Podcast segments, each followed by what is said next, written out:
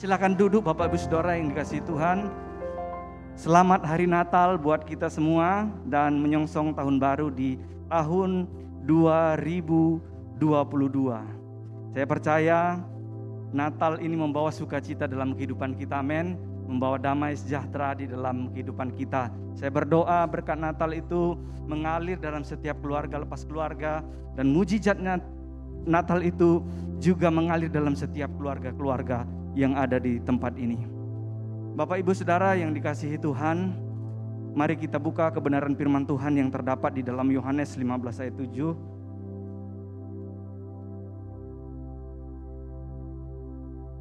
Saya akan bacakan buat kita semua firman Tuhan. Jikalau kamu tinggal di dalam aku dan firmanku tinggal di dalam kamu, mintalah apa saja yang kamu kehendaki dan kamu akan menerimanya. Nah, kebenaran firman Tuhan yang terdapat di dalam Yohanes 15 ayat 7 ini yang artinya dalam adalah bersatu, melekat, intim dan dekat kepada Tuhan. Saya percaya bahwasanya orang yang hidupnya dekat, melekat, intim kepada Tuhan, dia tidak meminta kepada Tuhan dengan sembarangan untuk memuaskan kedagingannya, untuk memuaskan keinginannya. Bukan itu Bapak Saudara, tetapi dia minta kepada Tuhan supaya Tuhan disenangkan, Tuhan dimuliakan, Tuhan ditinggikan dalam setiap kehidupannya. Uh, oleh karena itu kita sebagai anak-anak Tuhan di mana pun kita berada, jadilah berkat di dalam keluarga, mungkin di dalam pelayanan, di di kantor-kantor, di di mana pun Tuhan tempatkan, jadilah berkat di dalam kehidupan kita.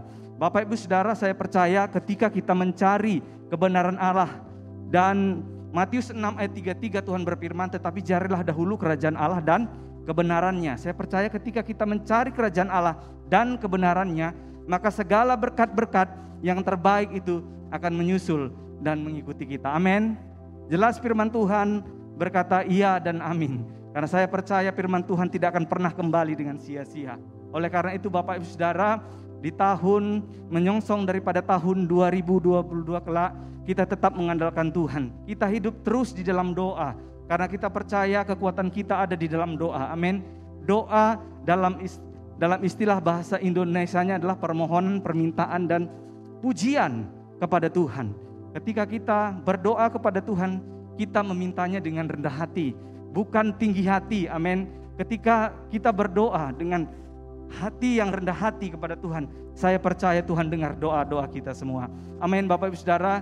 Oleh karena itu, mari kita juga menjaga kehidupan kita, hidup di dalam Tuhan tidak menyimpang ke kiri dan ke kanan. Saya percaya di Matius 6 ayat Matius sorry Matius 5 ayat 6 berkata berbahagialah orang lapar dan haus kebenaran sebab mereka akan dipuaskan.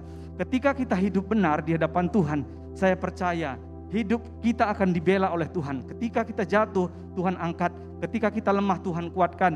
Ketika kita terluka dalam keadaan apa pun, Tuhan orang melukai kita. Tuhan akan memberikan daripada semangat yang baru, damai sejahtera. Tuhan bisa memberikan hal-hal yang baik di dalam kehidupan kita. Bapak Ibu Saudara, mari kita juga akan buka di dalam Yakobus 5 ayat 16 sampai yang ketujuh 17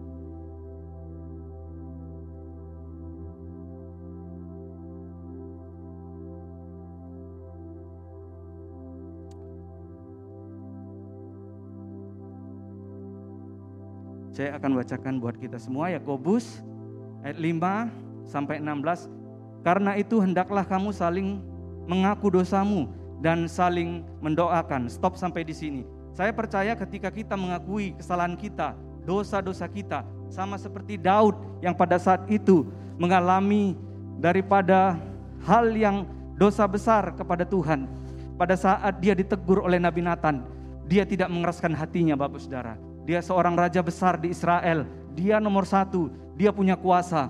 Pada saat itu kalau kita lihat Bapak Ibu Saudara bisa di, uh, membaca daripada kitab Tawari perjanjian lama, kehidupan Daud itu berkelimpahan dengan namanya materi uang emas dan perak itu seperti gunung banyaknya. Tetapi Bapak Ibu Saudara, ketika dia ditegur oleh Nabi Nathan, engkau yang salah, dia tidak mengeraskan hatinya. Bagaimana dengan kita Bapak Saudara?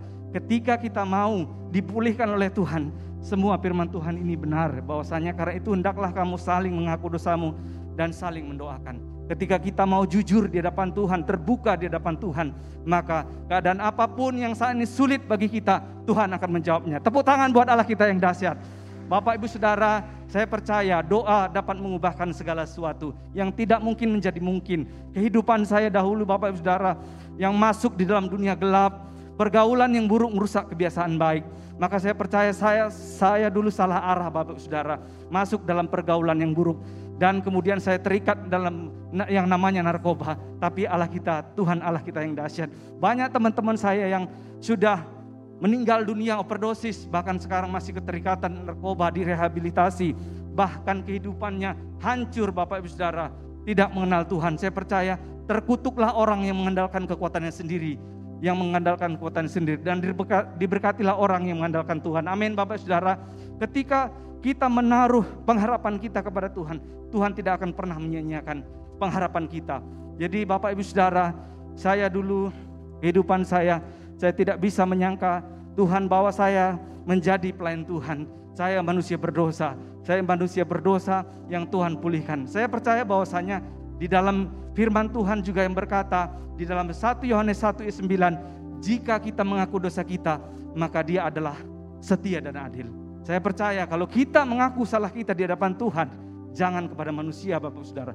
Ketika kalau kita mengaku uh, di hadapan Tuhan saya percaya apa pun keluhan-keluhan yang kita utarakan ke, kepada Tuhan, air mata kita saja kita nggak usah ngomong, Tuhan mengerti. Amin Bapak Saudara.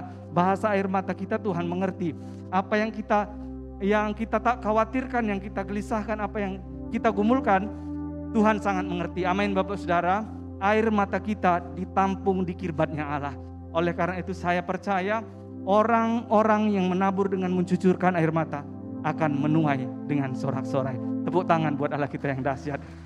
Hidup ini ada namanya hukum tabur tuai Bapak Saudara menabur pasti menuai. Ketika kita menabur yang baik, pasti akan juga menuai yang baik. Saya percaya ketika kita menanam padi, itu juga akan hasilnya yang kita petik adalah padi. Begitu juga kalau kita menanam pisang, pasti kita juga akan memetik buah pisang. Amin Bapak Saudara. Jadi hiduplah di dalam kasih. Sebagai anak-anak Tuhan saya mau mengingatkan dan mendorong kita supaya berhati-hatilah dengan lidah kita. Karena mulut kita mempunyai kuasa. Amsal 18 ayat 21 Tuhan berfirman, hidup dan mati dikuasai oleh lidah. Siapa yang suka mengembangkannya akan memakan buahnya. Ketika kita suka mengucapkan hal yang positif, berkat kepada Tuhan, maka berkat itu turun dalam kehidupan Bapak Ibu Saudara. Tepuk tangan buat Tuhan Yesus yang dahsyat.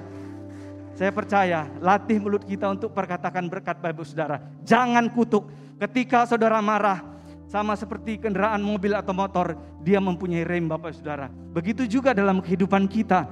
Kalau kita marah, rem mulut kita Ibu Saudara, Bapak Ibu Saudara, supaya jangan memperkatakan perkatakan yang yang tidak baik, perkatakanlah yang baik. Maka saya percaya ketika kita memperkatakan yang positif itu akan kembali kepada diri kita sendiri. Amin Bapak Saudara, perkatakan selalu hal-hal yang positif yang membangun diri kita, Hmm, berkat bukan kutuk. Jadi perkatakan biasakan. Ketika karena iblis sering sekali mencuri, membunuh dan membinasakan. Tugas pencuri membunuh, mencuri dan membinasakan. Yohanes 10 ayat 10. Tetapi Tuhan memberikan hidup, hidup yang berkelimpahan. Saya percaya kita sebagai anak-anak Tuhan memiliki kuasa dalam perkataan kita. Makanya jangan sembarangan mengucapkan hal-hal yang negatif. Jangan sembarangan mengucapkan hal-hal yang kutuk maka itu bisa terjadi Bapak Saudara. Saya mendorong kepada kita semua, perkatakanlah firman Tuhan. Di mana pun Bapak Ibu Saudara, ketika keadaan tidak baik, perkatakan tetap firman Tuhan. Karena Tuhan, Yesus sendiri sang firman akan membela dan melakukan firmannya. Secara ajaib dan luar biasa dalam kehidupan kita. Tepuk tangan buat Tuhan Yesus kita yang dahsyat.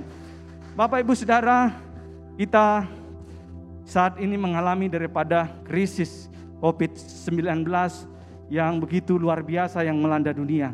Saya percaya semua negara mengalaminya. Tetapi saya percaya di dalam kehidupan ini juga Tuhan tetap pelihara kita. Tuhan yang memberkati pekerjaan kita. Tuhan yang memberkati kesehatan kita, keluarga kita, anak-anak kita. Amin. Karena Tuhan adalah Allah yang setia.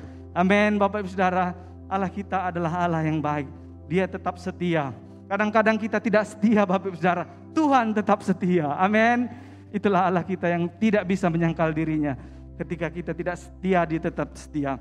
Bapak Ibu Saudara, jangan sering khawatir dalam kehidupan ini. Karena Filipi 4 ayat 7 berkata, janganlah hendaknya kamu khawatir tentang apa pun juga.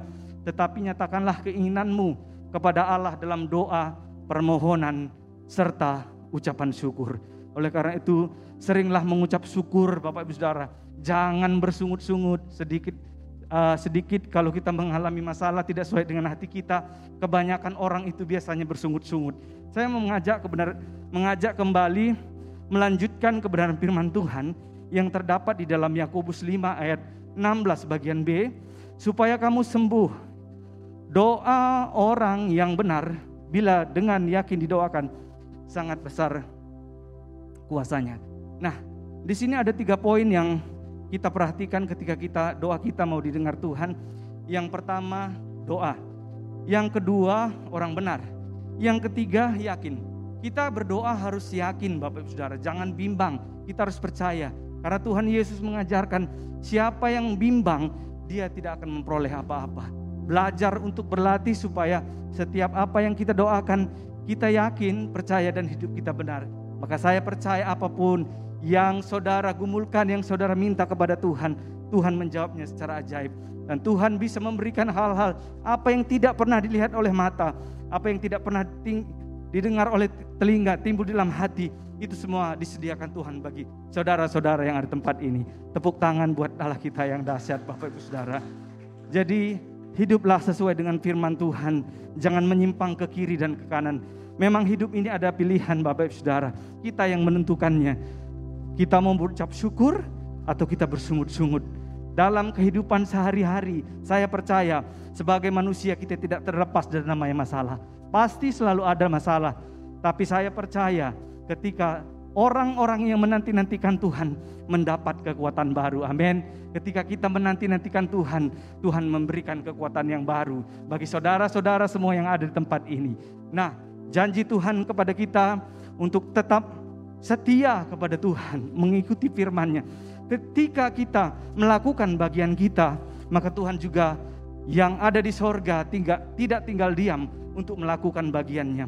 Ketika kita melakukan bagian kita dengan sungguh-sungguh, maka Tuhan juga melakukan bagiannya dengan sungguh-sungguh. Roma 8 ayat 28 Tuhan turut bekerja untuk mendatangkan kebaikan bagi orang-orang yang mengasihi Dia. Ketika kita mengasihi Tuhan, Tuhan mengasihi kita.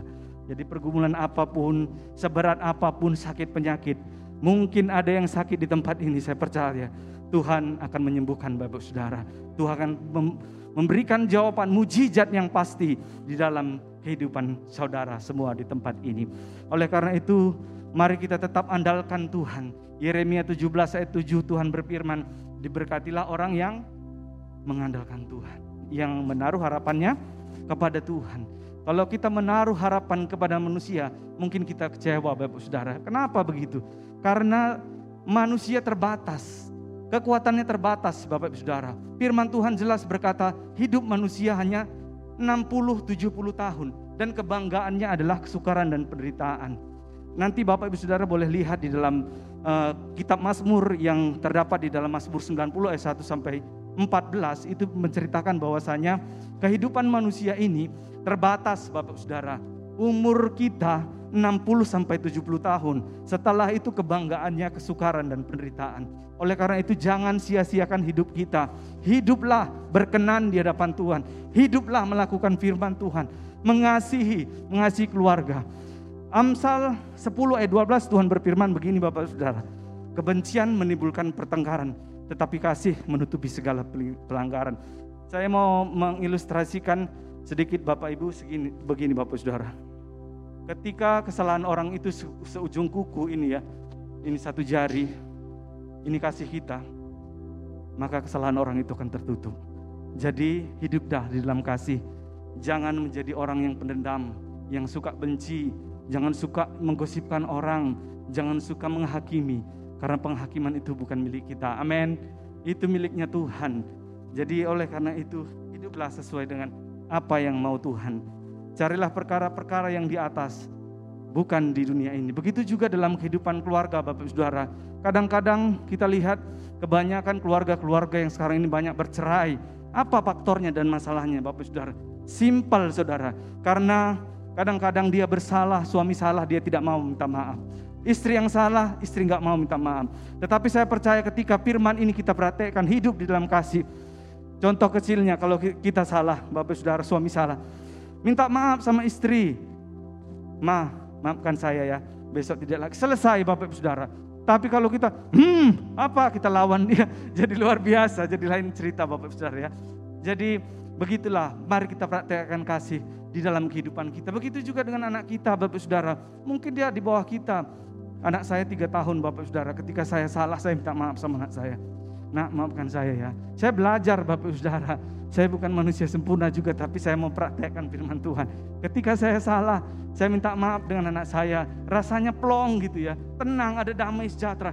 Tetapi kalau kita keraskan hati Bapak Saudara nggak mau minta maaf ya kita perhatikan selalu iblis itu selalu itu Bapak Saudara membuat onar membuat rusuh membuat kekacauan di mana saja itu adalah tugas iblis tetapi Tuhan memberikan hidup hidup yang berkelimpahan dia memberikan damai sukacita di dalam kehidupan kita jadi praktekkanlah selalu hidup di dalam keluarga kita suami istri saya percaya bahwasanya ketika Rumah tangga itu diam dengan rukun. Mazmur 33 Mazmur 133 Tuhan berfirman, ketika suami istri rukun, rumah tangga rukun, Tuhan mencurahkan berkatnya di tempat keluarga-keluarga, di dalam pelayanan, di dalam pekerjaan, itu Tuhan memerintahkan berkatnya. Tepuk tangan buat Allah kita yang dahsyat Bapak Ibu Saudara. Yuk, saya mendorong buat kita semua di tahun sebentar lagi kita akan meninggalkan tahun uh, eh, 2021 kita akan masuk menyongsong tahun 2022. Mari kita ketanggalkan semua kepahitan, kegeraman, kemarahan, pertikaian, fitnah, segala kejahatan yang tidak menyenangkan hati Tuhan. Buang semua itu Bapak Saudara. Begitu juga kepahitan di dalam kehidupan kita. Kalau kita simpan kepahitan Bapak Saudara, itu racun yang kita simpan. Itu racun yang kita simpan di dalam kehidupan kita. Kita sendiri yang rugi Bapak Saudara ketika kita disakiti oleh orang lain, mungkin dipitnah, mungkin dijelekkan orang lain. Kalau kita simpan, kita dendam, kita sendiri yang rugi. Lepaskan pengampunan itu bagian Tuhan. Dia yang melakukannya. Kita jangan menghakimi orang lain walaupun dia salah kepada kita, ampuni dia. Saya percaya kehidupan kita akan diberkati Tuhan secara berlimpah-limpah. Saya undang kita semua bangkit berdiri.